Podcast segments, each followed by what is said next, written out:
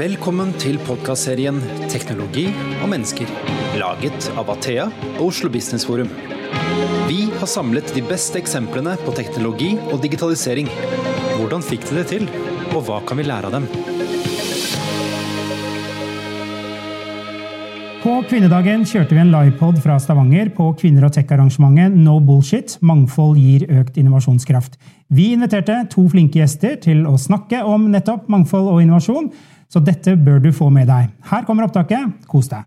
Og så har vi to fantastiske eh, gjester her. Eh, Åshild Hanne Larsen, som er nå med holde meg fast, eh, Vice President Subsurface Excellence and Digital i Equinor. Du bør finne på et norsk eh, greie. Jeg, jeg, jeg, bestemte ikke den tittelen, jeg kan love deg det. Jeg fikk den bare. ikke sant? Eh, og så har vi Trine Strømsnes, og du er, du er enkel da, eller ikke du er enkel, men du er en enkel digital Administrerende direktør eh, i, i Cisco. velkommen til dere. Tusen takk. og gratulerer med dagen. Eh, vi kan jo ikke snakke om, eh, om eh, på en kvinnedagen dette med Arne. Du heter jo faktisk ikke Åshild Anne Larsen, du heter Arne Åshild.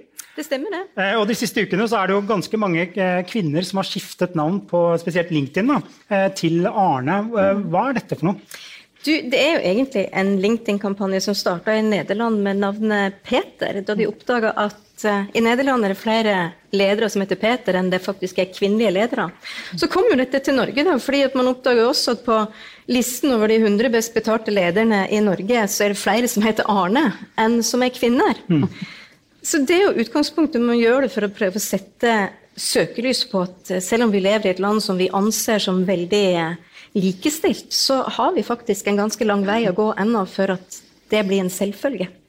Så for meg så jeg følte liksom at dette resonnerte godt med, så jeg valgte å bli med. Så jo reaksjonen er jo litt sånn forskjellig, det må jeg være ærlig på. Noen kommer og sier at 'å, fint at du gjorde dette, nå tør jeg òg å bli en Arne'. Dette var kult.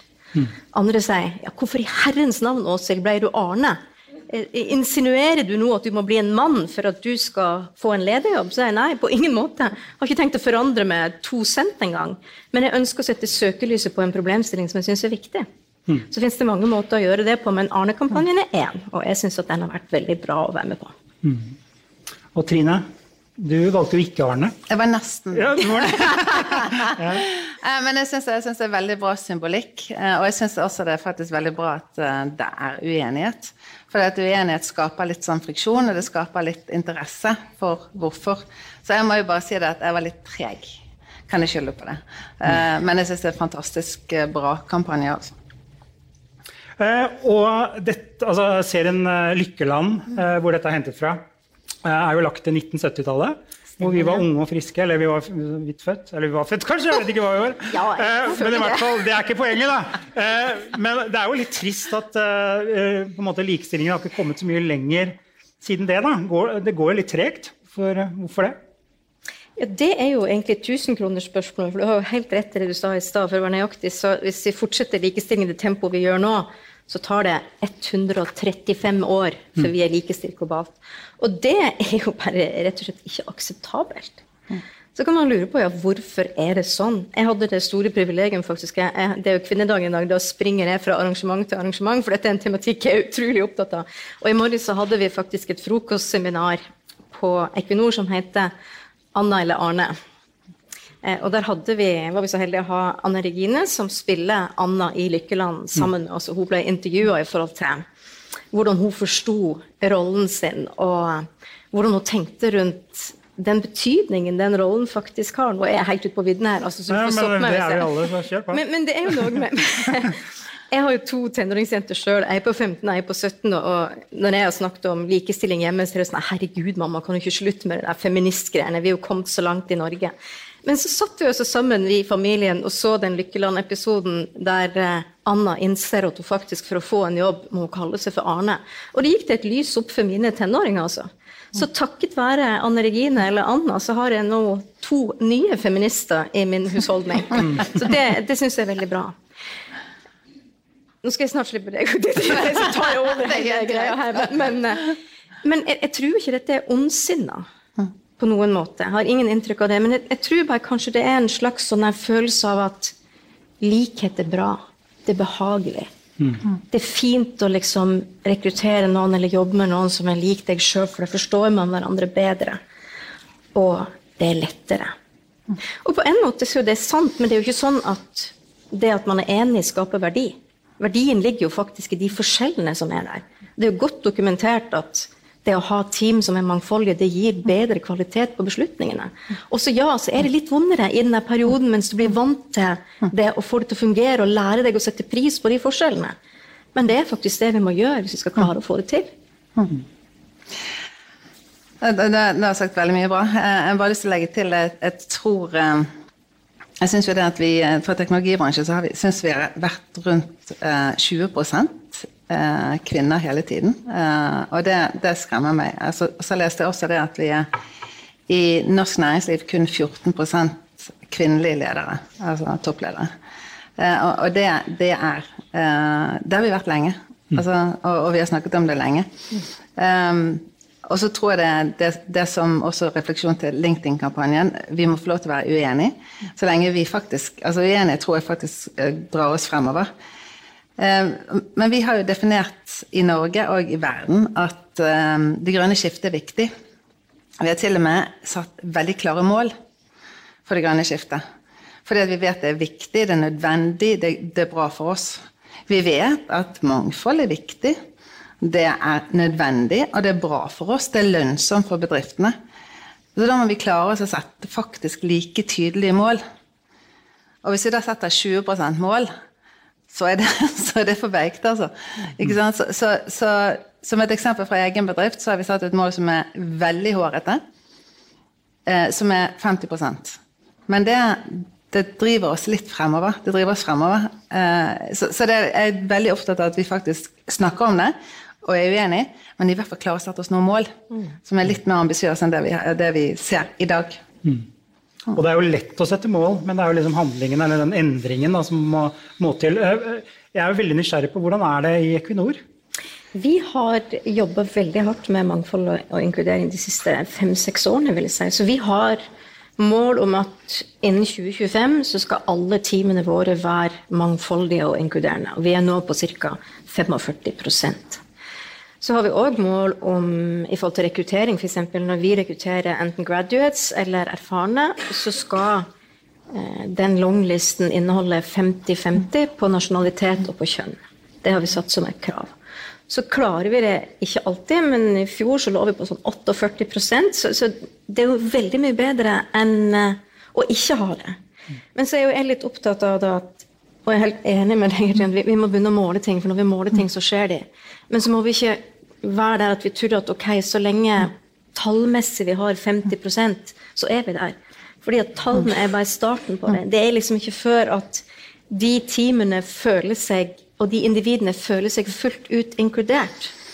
At du kan sitte i et rom og ikke være den her odd woman out eller den her raringen som er annerledes, men du vet at du er der fordi du har noe å bidra med. Og du vet at de meningene og de utfordringene som du kommer med, de blir satt pris på. Så jeg er litt opptatt Vi må på en måte ikke stoppe på tallene, vi må ta det videre. Mm. Hvordan er situasjonen i Cisco? Ja, altså, er, altså, Vi setter mål, eh, og jeg er helt enig. Eh, altså, mål er jo bare et tall. Eh, det hjelper oss fordi at vi har noe å styre etter. Og, og, eller det, det, er ikke styre etter, vi har, vi, det skaper fokus. Um, altså det som jeg opplever, er jo det at uh, hvis mine ledere sier at uh, ja, men jeg må ha kvinner fordi jeg må oppfylle den ikke sant, tick in the box. Mm. Eh, det er ikke godt nok. Det som jeg opplever, Jo mer vi fokuserer på det, og det med det å være, å, å være en kvinne fordi du, du, du, du, er det fordi at du er kvinne, da har du oppfylt kvoten din, det er ikke bra. Ikke Men når mine ledere begynner å si at jeg vil ha kvinner fordi jeg merker at kvinner de skaper en helt annen dynamikk i teamet, de tilfører mer. Og så utrolig bra det var å få inn hun eh, Liv Anita Kari, eh, fordi hun skaper en helt annen eh, både dynamikk og innovasjon i teamet. Da begynner, altså da begynner, de å ville ha det, og så er det sånn at da, da vil de også ønske å, å, rekruttere flere, og ikke minst holde på. For det er det som jeg opplever, Én ting er å rekruttere, en annen ting er å, å, å, holde på alle de dyktige som kommer inn fra Jeg opplever at det kommer flere inn fra, fra universitet og høyskoler nå, fra, som, er, som er dyktige kvinner. Eh, opplever også at det er vanskeligere å holde de. Ikke sant? Så det å skape og gjøre det bra for de som er der, og så det å rekruttere eh, på en god, må god måte. Mm. Eh, og eh, Når man snakker om eh, bærekraft, så er det liksom fort blir klima. Mm. Jeg snakker om mangfold, så blir det fort kvinner. hva legger du i mangfoldsbegrepet? For meg så er det mye mye bredere enn det. Det handler egentlig om alt som gjør oss forskjellige. Og det er jo utrolig mange ting. Det kan være altså, hvem vi velger å elske, hvilken religion vi har, hvilken utdanning vi har, hvor vi vokste opp. Personlig som vokste opp på en liten øy i Nord-Norge med 200 innbyggere. Jeg er helt sikker på at det har gjort meg litt annerledes enn de andre. Men. Så jeg tenker jo at verdien i denne bredden må, en woman må få fram, for jeg har jo ingen tro på at hvis, hvis man skal fokusere kun på kjønn, for det blir jo bare en ny stereotypi, hvis du vet. Mm jeg har jo ikke tenkt å, Det er jo ikke sånn at jeg er lik alle andre kvinner i dette rommet. og Hvis du ansatte meg, så, så fikk du liksom en klone av oss alle sammen. Vi er jo akkurat like forskjellige som kvinner som vi er i forhold til menn. Så jeg har lyst til å komme litt vekk fra de der stereotypiene og tenke at uh, uansett hvilket kjønn du identifiserer deg med, så, så, kan du være akkurat den du er. Jeg husker ennå, jeg, jo, jeg er jo nordlending, så jeg er litt sånn lettantennelig temperament, og jeg var på en sånn kvinnesamling en gang der jeg satt og hørte på en ekspert som snakka om hvorfor kvinner var så annerledes. og De var ikke interessert i makt og de var ikke interessert i penger. og sånn, De var interessert i myke ting. Jeg måtte bare rekke opp hånda og si at jeg tror søren meg en kvinne fanga, eller en mann fanga i en kvinnekropp. fordi jeg er interessert i de tingene. Jeg liker å ha makt, for jeg vil gjøre en forskjell. Og hvis jeg skal ha impact, så må jeg faktisk sitte rundt i bordene der beslutningene tas. Så er jeg uenig. Mm. Det er vi tilbake til uenigheten igjen. Den sunne. det sunne. det er lov å være uenig. Det er bare fint. Hva, hva tenker du om mangfoldsbegrepet? Uh, jeg tenker vi, eller, vi har jo en, et stort utviklingsmiljø på, på Lysaker. Sier, det, det, er ikke der, det er ikke der jeg skal begynne å snakke om mangfold, men vi, har, vi, har, vi, til, vi, er så heldige, så jeg tror på samme måte som kanskje oljebransjen for Norge, det at vi tiltrekker oss veldig mange som er interessert i video. Dvs. Si at vi har 50 ulike nasjonaliteter på lille Lysaker. Det er under 500, eller det er ca. 500 personer. Mm. Det er kjempekult. Da får du mangfold. Eh, og da, da, mener jeg, da, da, har du ulike perspektiver, du har ulik bakgrunn, du har ulik eh, tro, eh, du, kulturell bakgrunn. Altså, og dette må du ha fordi vi utvikler, utvikler, løsninger. Det gjør veldig mange. utvikler løsninger. Vi, vi, vi bringer løsninger til kunder som er, som er like ulike som vi er. Mm.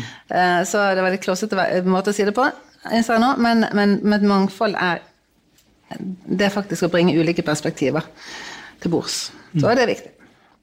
Eh, dere er jo, eh, Selv om alle nå selskaper liker å kalle seg tech-selskaper, mm. til og med banker er jo der, men dere er jo i litt to forskjellige bransjer, vil jeg si. Er det noen forskjelligheter, eller er det hele, altså like problemstillinger dere har når det kommer til, eh, til dette med å være attraktive da, for, eh, for, folk med litt ulik bakgrunn? For det er jo det som er problemet her. Da. Det er nok noen likheter i forhold til mangfold. Gjette i hvert fall nå, Trine. Men eh, i vår bransje så vi jo, har vi en kvinneandel på 22 Den har vært stabil siden 2017 eller et eller annet sånt. Det er jo altfor lavt. For det gjør at poolen du skal rekruttere fra, er for liten. Og så har du en til problemstilling som sikkert treffer dere òg litt òg, at det er bare 27% av jentene som velger STEM-fagene, altså vitenskap, teknologi, matte, alle de fagene som vi hørte, leder liksom inn i teknologiverdenen, og som typisk er en, en forutsetning, iallfall en god start, hvis du har å jobbe i vår bransje, for den er jo veldig teknologitung.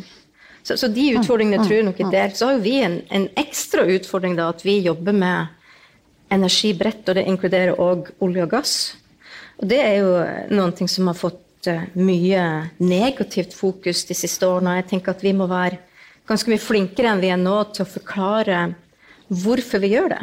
Og hvor viktig det er at vi ikke stenger ned produksjonen av olje og gass på norsk sokkel, fordi det faktisk er den reneste oljen som vi klarer å produsere i verden. Mens industrigjennomsnittet ligger på 17 kilo, så ligger, produserte vi i fjor på 7. Sant? Så det eneste som skjer hvis vi skrur av kranen på norsk sokkel, det er at én, eh, generelt sett så kommer vi til å forurense mer gjennom olje og gass.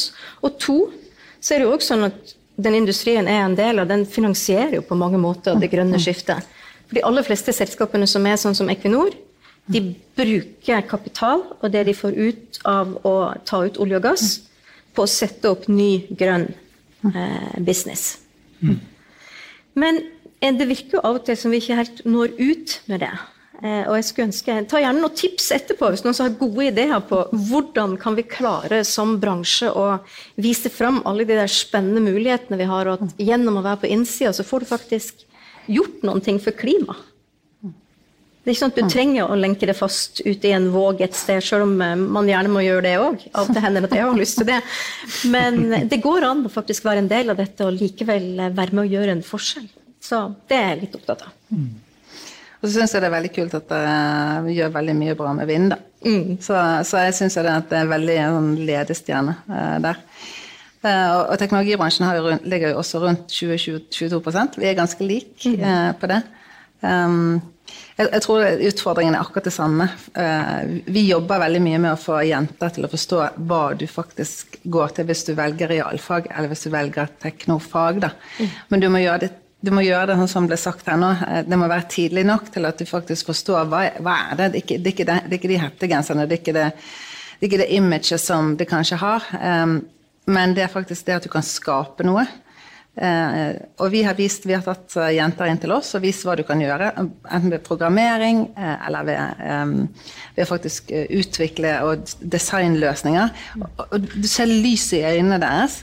Eh, 70% av de som har vært inne hos oss, da, de i, da går de, tiende, nei, de går i 9. klasse. Da skal de ut, og så skal de komme tilbake til foreldrene sine. 'Dette må jeg vite mer om. Dette må jeg gjøre mer av.' Vi klarer bare å ta inn én skoleklasse av gangen. Men vi må ha flere av de. Og jeg mener virkelig, hvis ikke vi klarer å få mer tilfang, så klarer ikke vi også å, å, å øke den andelen eh, av jenter som, som tar teknologi, teknologifag, for da blir det sånn tilfeldig. Som ble sagt her også under denne studien, at de, de finner ut at dette her, jeg kom ned på listen, og så traff jeg teknologi. Mm. Så, så, så, vi må være, Det er jo en grunn til at ikke vi har klart på disse siste årene heller å få flere. Så, så vi har holdt på nå, jeg har vært med på dette her i dem, spesielt Girls in ICT, Like It's a Coding og uh, Girl Tech Fest de siste årene. Um, og det er ganske mange år etter hvert. Så nå, nå, nå, snart må vi begynne å se resultatene. men, men, det er virkelig, det er virkelig uh, uh, Vi må få flere jenter inn, og så må vi bare jobbe med det fokusert. Og så tror jeg det er sånn veldig mye til felles uh, i disse to bransjene, sånn sett. Så mm. I innledningen så kom jeg inn på dette med at det er en sammenheng mellom mangfold og lønnsomhet, innovasjonskraft osv. Og, og så tenker jeg, er, har vi bare dårlige bedriftsledere? Hvorfor i alle dager ser man ikke de sammenhengene? Eller er det de forskningsrapportene som vi ikke skjønner noe av? Hva, hva er problemet? Jeg, jeg, fatter ikke. Hvis jeg hadde vært bedriftsleder, så tenkte jeg herregud, lønnsomheten Jeg så én rapport her med 35% større sannsynlighet for meravkastning. Er det dumme ledere? Unnskyld. Hvor, hvor, Nei, i alle dager kanskje, er dette? Kanskje det er litt sånn ledere som går seg fast i et sånt spor. Mm. Vi var litt inne på det i stad. Dette her behagelig mm. i å velge noen du kjenner. Noen som har gått på den samme utdanningsinstitusjonen som du. Du veit liksom hva vi får. Og mange av oss er jo kanskje litt sånn risikoaverse, rett og slett. Vi har ikke så lyst til å tenke det blir mer jobb, tøft nok å være leder hvis du ikke skal liksom ha masse folk som er helt forskjellige fra deg i teamet ditt. Det er jo en helt sånn idiotisk tanke, unnskyld at jeg sier det, men ikke begynn å le der borte når jeg blir flau. men, eh, men som jeg sa, jeg tror ikke det er noe sånn ondsinne. Jeg bare tror at man tenker ikke, og så er man kanskje ikke villig til å investere det er det ekstra arbeid som du må gjøre for å finne de gode kandidatene, som ikke er helt sånn obvious. Jeg har hatt masse diskusjoner på dette internt i, i Equinor òg. Når jeg hadde ansvar for IT-funksjonen for graduate-rekruttering, så var det jo sånn 50-50 krav, og så kom de tilbake til meg, og så hadde de 30 kvinner. Hva i all verden er dette her? Nei, det, liksom, det var ikke, de var ikke, var ikke, rett for oss. Og så jeg har jo en sånn liten jungeltelegraf selvfølgelig i et selskap som jeg har vært i veldig lenge, så jeg går og sjekker litt de som har vært der. Så, så var det faktisk en par-tre helt utrolig bra jenter. Men de pekte seg ut fordi de var utrolig sånn eh, Ja, de gjorde litt av seg. De opp handa. De var frampå. Og det var noen av de gamle ikke gamle gubbene, men noen av de som rekrutterte hos meg, som, som kanskje følte at det ble litt sånn skummelt. altså. At det, det blei for mye. Eh, men det jeg gjorde som et mottrykk den gangen, var jo bare at jeg rekrutterte de inn direkte til meg isteden. Sånn at vi fikk eh, fikk de der siden, og, og de var også helt De var veldig forskjellige, men de var helt fantastiske. Jeg skal ikke nevne navn, men vi har ei som vi bare kaller Hurtigtoget fra Spania. Fordi hun er helt sinnssykt rå! og jeg er så glad for at ikke vi gikk glipp av henne fordi at man liksom er litt redd for å satse på noen som er bitte litt annerledes. Vise litt mer igjen. Det er slitsomt med mangfold, da. Mm. Altså det, det, det, det, ja, det er slitsomt. Altså det, det er jo det, du må, ta stilling, du må ta stilling til det. da. Eh, men så ser det, når du begynner å se resultatene også, da. Ikke sant? Altså, vi har noen dyktige rollemodeller i norske samfunn i dag også. Eh, deg, altså du, du snakker veldig mye om det. Det er sånn typisk eh, Anita Skogen Lund. Vi har, altså vi har noen dyktige kvinner i rollen som toppleder i dag. Det er så få ut av de. Um, så, så, så, jeg tenker det når vi først begynner å se resultatene av det, at vi klarer å få mer av, av det I mellomtiden så er det veldig tungt. Uh, og det, det, det er litt ubehagelig. Selv om det, selv om det helt, helt klart, soleklart, er noe som tilfører uh, både lønnsomhet og innovasjon. Så, um, ja, men, men det jeg tror også på det at vi bedriftseiere, bedrifts, på samme måte som vi har, vi har ansvaret for bærekraft, um, både myndigheter og bedriftseiere må nødt til å ta en stilling til det. Eh, og da kan jeg sitte her og mene det. Eh, det skjer sikkert ikke på, bare på bakgrunn av det. Men, men vi, må, vi må tørre oss å Om ikke sette mål, vi må tørre å sette det mye, mye høyere på agendaen. Føler at jeg står sånn på barrikadene med et eller annet. Ja, men det er lov, og det trenger vi jo. Eh, Ja, det tror jeg. Og jeg er jo litt sånn nei, kynisk på dette. fordi at eh, Hvis jeg skulle bare ha folk i teamet mitt som var akkurat sånn som meg, så har jeg jo ikke noe bruk for dem. For da har de jo akkurat de samme erfaringene, akkurat de samme ideene. Hva søren Unnskyld nå at det var bannes. Det er nordnorsk, så det, nei, men, men jeg skal prøve å unngå det i denne sammenhengen. Men hva søren skal jeg med det? Jeg må jo ha folk rundt meg som har vært med på noe annet, som utfordrer meg tilbake. For det er jo ikke sånn eh, Det hadde jo vært deilig om det var det, men det er ikke sånn at jeg har alle de beste ideene til enhver tid. Så jeg er jo avhengig av hele tiden at noen pusher på meg. Og ja, kanskje det er litt sånn ubehagelig, men gud, for en fantastisk følelse det er å sitte i teamet ditt og ha vært gjennom en tøff diskusjon, så vet du at dette ble så sinnssykt mye bedre enn den ideen jeg opprinnelig hadde, fordi at vi hadde den diskusjonen. Men du må jo på en måte mentalt komme dit at du ser verdien i det. Men at den er der, det er det ingen tvil om. Men jeg er litt sånn nysgjerrig på hvor man kommer dit. for eh, Det sies jo at man rekrutterer ofte folk som er lik en selv. Eh, og så har man jo fordommer i forhold til alder. Alle som skal drive med innovasjon, da må du ha kidsa inn. Fordi gamlingene de driver jo ikke med innovasjon. Eh, og så har jeg også lest om at sant, man har eh, fjerna kjønn eh, når man går gjennom søknadene. Fjerner kjønn, alder osv. Og, så og så ser man kanskje med litt andre øyne på søknadene. Eh, og så skriver man om søknadstekster, og gud veit hva man driver med. da. Hva, hva er løsningen her for å få til det mangfoldet? Vi kommer sikkert til å sitte her neste år òg og snakke om det. Altså, vi, vi, ser, vi ser jo det at det er en del ting ut av det som du allerede har sagt, så jeg skal ikke repetere det, som faktisk fungerer.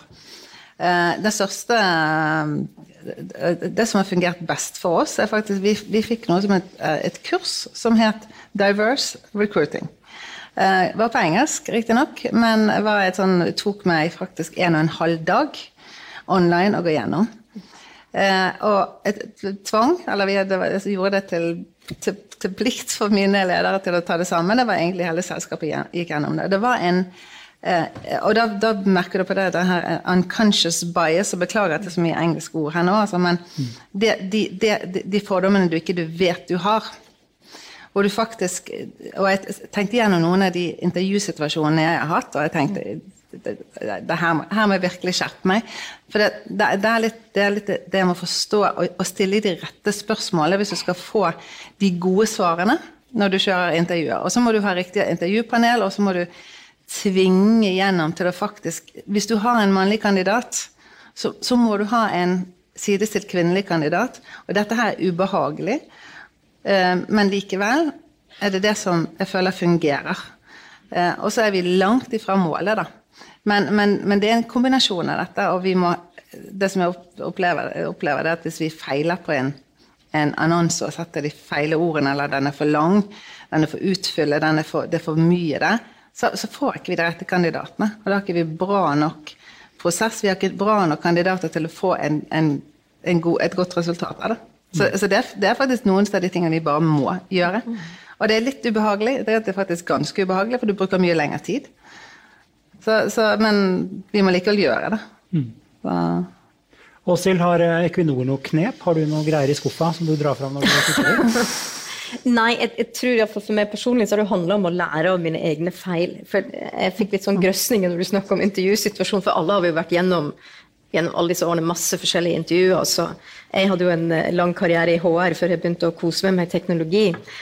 Og jeg har et sånn skrekkeksempel som skjedde en kveld vi skulle rekruttere. Vi hadde to mannlige og en kvinnelig kandidat. Det var en lederrolle, medførte ganske mye reising og pendling. Så hørte jeg med skrekk meg sjøl stille spørsmålet ja, kommer hun til å klare det, gitt familiesituasjonen hennes. Mm. Og det der, når jeg hørte meg sjøl si det altså Jeg har aldri glemt det. Det svidd inn i hjernebrasken min. For det var så fryktelig. For jeg regner meg jo egentlig som en sånn informert HR-person som liksom var fokus på mangfoldet. Og så kan du gå ut i det og gjøre en sånn kardinalfeil. altså. Heldigvis var det jo i en diskusjon der ikke kandidatene var, men det var jo jaggu ille nok. Men fordelen med å drite seg ut på den måten er at du glemmer det aldri. Så hvis du skal drite deg ut, så gjør det i en trygg kontekst, sånn som jeg gjorde da, men, men lær noen ting av det. Det føler jeg at jeg har gjort, og, og det jeg prøver å bidra med inn i alle de prosessene som er en del av, enten vi diskuterer talenter eller vi rekrutterer, det er jo hele tiden prøve å sørge for at vi stiller de samme spørsmålene, uavhengig av kjønn og bakgrunn og hvem kandidaten er. At vi ikke grunnet i en eller annen sånn stereotypi begynner å diskutere annerledes rundt noen. Og det tror jeg kanskje er det viktigste av alt. At du klarer å bare erkjenne at alle oss vi er fulle av om vi kaller det unconscious bias eller ubevisste fordommer, eller hvordan krøkkete oversetting vi, vi finner. så, så eh, bare ved å vite at du har det, og liksom ta, trekke pusten to ekstra ganger, så kommer du faktisk ganske mye lenger.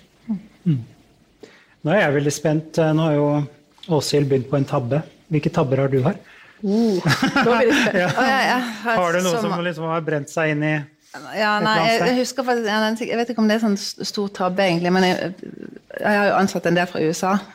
Eh, første gang jeg gjorde det, hadde jeg intervju på, på telefon, og da så jeg ikke vedkommende engang. Eh, da stilte jeg spørsmålet for det første stilte jeg spørsmålet hvor gammel han var. Og så stilte jeg spørsmålet om han var gift eh, deretter. Og, og hver gang så var det stille. Og så eh, Hvor mange barn har du? Eh, og så, så, så, så, tenkte jeg var han veldig stille, dette her var merkelig. Eh, han ville ikke si noen ting om det.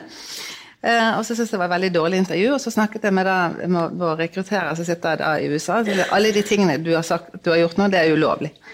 Takk for det. og jeg kommer fra min eh, meget naive eh, norske eh, bakgrunn. Så det var en liten tabbe Ja. Nydelig. Jeg vedder på du har ikke glemt det etterpå. Nei, jeg glemmer det aldri. Lære av feil, da. Det er jo mm. noe. Det er egentlig to nivåer her. Du var litt innom det i stad, Åshild. Fordi du kan jo ha egentlig ganske godt mangfold på bedriftsnivå. Eh, men på nå, Jeg kan ikke si det, kanskje, men jeg tenkte på toppnivå skjer jo ikke mye. Men det skjer jo masse nedover i organisasjonen. altså Det å sette sammen team eh, hvor du skal løse konkrete oppgaver osv. Eh, hvordan sørger du for at det skjer? Sånn at magien skjer jo i oppgaveløsningen. da. Først må jeg arrestere deg litt. Ja, ja Det var litt flåsete. Jeg trekker det, jeg trekker det tilbake. Det skjer stadig noe i toppledelsen hos oss. Og jeg vil bare nevne det òg, for å skryte litt om mitt eget selskap, at eh, vi hadde 50-50 kvinner og menn i toppledelsen, og vi var òg nummer én på skiindeksen i fjor, så ikke glem det. Applaus, tenker jeg da. Men du har jo rett i det at eh, det meste av eh, jobben skjer jo lenger ned i organisasjonen, i teamene som vi setter opp. Og, og det som jeg tenker er nøkkelen til suksess der, som leder, det er jo å, å prøve å skape et klima der folk føler at de hører til. Der de føler at det er greit å være de. At du kan komme på jobb med alt det du har og alt det du er, og så møter du folk der som tenker at ja, men det er bra. De respekterer deg. Og der tenker jeg at Vi som ledere har en ekstremt viktig rolle. Så Jeg bruker jo mye tid eh, i teamet mitt og i organisasjonen på å snakke om øyeblikk der jeg driter meg ut, og der jeg tar feil beslutning, der jeg gjør noe jeg ikke skulle ha gjort, osv. Fordi det er for mye tilbakemelding om at det gjør det akseptabelt for andre å gjøre det òg. Og jeg har noen sånne historier der det har skjedd ting på hjemmebane. Eh, jeg, har jo, jeg og mamma to jenter. Jeg satt midt i et møte. Minstejenta mi ringte, var på skolen, hadde fått mensen, var helt fortvilt. Det blødde gjennom alt. Hva gjør jeg, mamma? sier du, du står der, jeg avslutter dette møtet, så kommer jeg og henter deg. Så da sa jeg i møtet til folkene som var der, vet du hva, nå har dette skjedd. Akkurat nå så er min datter viktigere enn dette temaet vi holder på med her. Dette får vi komme tilbake til. Så dro jeg og henta henne. Men det mest interessante var, av det hele var jo etterpå at jeg hadde flere fra teamet mitt som var kvinner som var litt yngre enn meg, som kom til meg og sa at de hadde gått hjem til sine jenter som var litt yngre, og sagt at vet dere hva, hvis dette skjer med dere en gang, så kan dere bare ringe meg, for nå vet jeg at det er greit. Jeg kan gjøre det. Og, og det er jo på en måte litt sånn sykt, men, men det sier noe i om kraften vi som ledere har til å sette et eksempel for den atferden som vi har lyst til å se. Mm. Og vise at det er greit å ha et liv, det er greit å ha et problem. Det er greit å prioritere noe annerledes. for så det er én ting jeg har lært gjennom alle disse årene i Equinor, og det er jævla mange år nå, så er det jo at eh, det er bare ett sted du er uunnværlig, og det er faktisk ikke på jobben. Hvis jeg ble kjørt over av en buss i morgen, så håper jeg jo inderlig at noen hadde savna meg en liten stund, men, men Equinor hadde jo rulla videre som det svære maskineriet det er. Men i familien min så hadde det jo alltid vært et hull etter meg. Så det å vise de prioriteringene i praksis, det tror jeg er viktig. Mm. Det er veldig vanskelig å være uenig. Jeg er helt enig. Ja, skål! skål. ja, skål, ja. Eh, nei, men jeg tenker også det med eh, å være autentisk som leder. Eh, veldig viktig. Mm. Også, gå, også Kall det gå foran med et godt eksempel, men, men det er faktisk Du må gi folk rom til å være seg selv, og da må du være deg selv. Og hvis jeg begynner å bli en annen enn meg selv, så, så har jeg også sagt til folk da må, da må dere fortelle meg det. Men, men, jeg tror det er viktig, viktig å sette sammen team og, og, og hva heter det, multifunksjonelle, mm. cross-functional. Team som går på tvers, som jobber som altså, så, såkalt uh, agile, og team som skal raskt sammen løse en oppgave, og så går de fra hverandre igjen. Mm. Og det, da, det, da, da, skal du sørge for å sette sammen teamene på en da er de mer krevende, for du vet at de skal jobbe sammen en, en liten stund, og du skal sørge for at de løser en oppgave ganske raskt. Så det blir faktisk mer og mer krevende å sette sammen team og sørge for at du har en etablert teamleder som forstår også det at de skal, de skal drive teamene fremover. Mm. Så, så, sånn, I tillegg til det du sa. Um, mm. Jeg kom over en rapport, nå skal ikke jeg uttale navnet på den eh, institusjonen i Bonn i Tyskland, Eh, men der har de altså eh, forsket på gründere med innvandrerbakgrunn. Mm. Eh, og studiene viser da at de har større sannsynlighet for å eh, få til eh, mangfoldige team. Altså de rekrutterer folk som er ulike seg selv. Hva sier det oss? Ja, det var et dypt spørsmål. spørsmål ja. Nei, altså, det, det sier oss, det sier oss jo at, at, det er mulig å få det til, og kanskje det å være eh, ha et aspekt ved seg som gjør at du ikke er lik alle andre, gjør deg mer oppmerksom på problemstillingen. Mm. Og det tenker jeg jo er bra.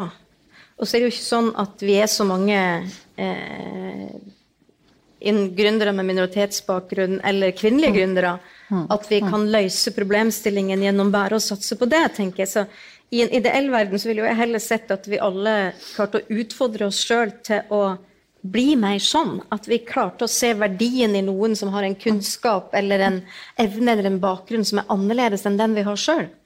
Men i mellomtiden så kan det jo godt hende at vi må legge litt sånn ekstra push på de gruppene som kan gå foran med et godt eksempel, så jeg er ikke overraska, egentlig. Nei. Er du overrasket? Nei, nei, ikke egentlig. Og, og, det er også fordi at jeg har sittet i en bransje som det har vært veldig få uh, som ligner meg, da. Uh, I hvert fall uh, ikke bare fordi at jeg er fra Bergen, men Det er nok bergensere. Takk for det. nei, men, men, men, altså, du blir mer oppmerksom på akkurat det. ikke sant? Du blir mer oppmerksom på at du sitter Det er litt sånn liten minoritet.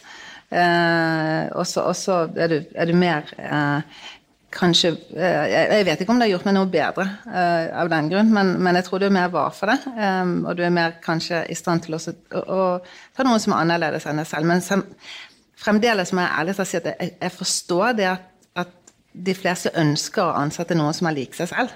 Altså, du, du, vet hva du har å forholde deg til. ikke sant? Mm. Men, men, samtidig så må vi tvinge oss selv til å tenke hva kan den personen da tilføre til teamet mitt? Eh, og, og, og da, det, da, må du tenke et, et sammensatt team må, så, som, som, har ulike perspektiver og ulik bakgrunn. Det er sterkere. Jeg har sett det gang på gang på gang. Så, men, men, jeg tror nok at det, det, det kan være tilfellet. Tilbake til spørsmålet ditt.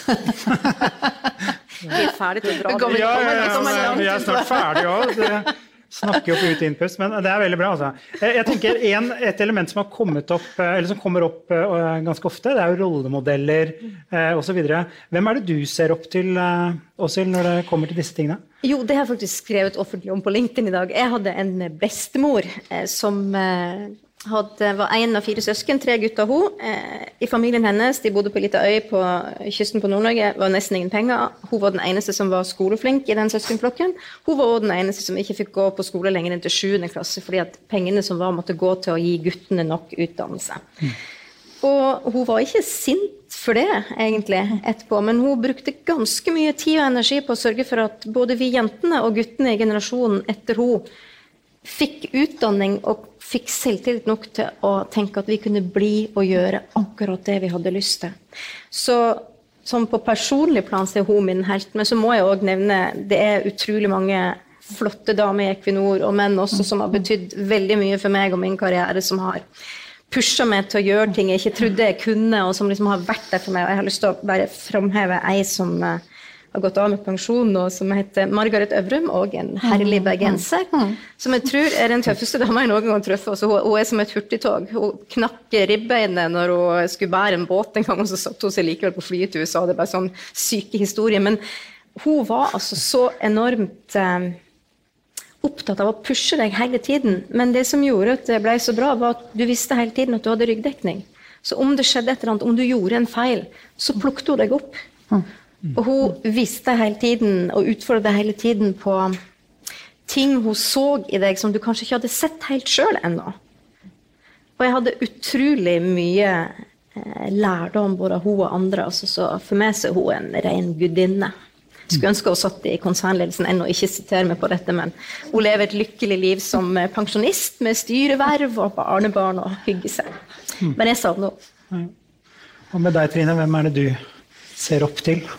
Eh, mange dyktige damer, eh, faktisk, som, som, er, som, er, både ledere og ikke ledere i dag. Altså, det, det, jeg har ikke noen sånn spesifikk rollemodell. Eh, um, men, men, litt eh, med Da jeg ble leder i Cisco, så ble jeg spurt om hvordan jeg var som leder. Det med, som, som du nevnte også på, i forhold til å være autentisk, være seg selv. Eh, og de som da oppnår noe, eh, fremdeles av seg selv, eh, ikke tar på seg en annen maske, er litt viktig.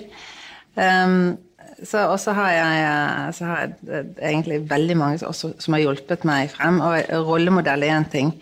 Mentor er én ting. Sponsorer. Mm. Noen som sponser deg, og, du, som igjen plukker deg opp uh, når ting går galt, på, og tør å påpeke noe, og følger deg og følger deg og følger deg, og, følger deg, og skyver deg fremover. Og det trenger vi mer av, mer enn kanskje mentorer. Og det har hjulpet i hvert fall meg veldig mye. Mm. Nydelig. I denne poden så har vi jo også en fast spalte eh, som vi må kjøre, og det er rett og slett at eh, vi skal by på noen dilemmaer. Ok, jeg kjenner jeg blir litt nervøs.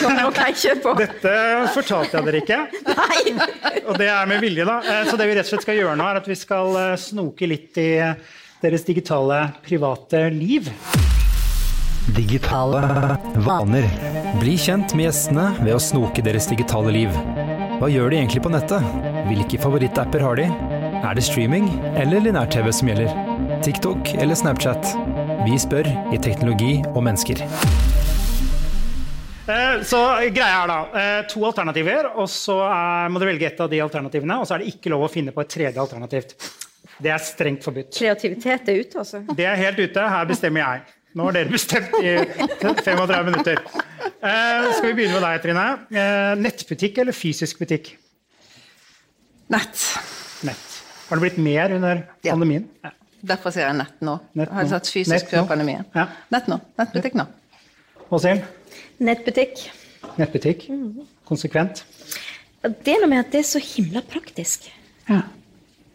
Jeg savner litt den følelsen av sånn fysisk shopping, så jeg gjør det av og til, men når du bare skal ha noen ting, så er det bare Det er veldig elegant. Trine, seriefråtsing eller én episode i uka? uh, en, nei, seriefråtsing. Seriefråtsing. Har du noen serietips om dagen? Uh, nei, men jeg skal se Lykkeland.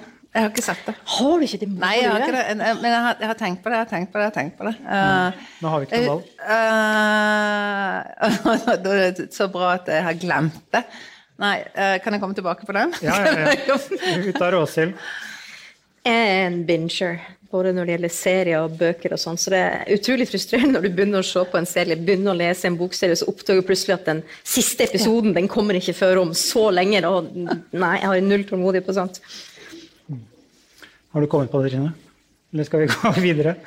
Nei, det, nei vi, har, vi har mange. Uh, si. Men det er en, som- en som er veldig god i det siste, men jeg har faktisk glemt hva den heter. Så bare glemt. Husker du hva den handler om? Nei, nei.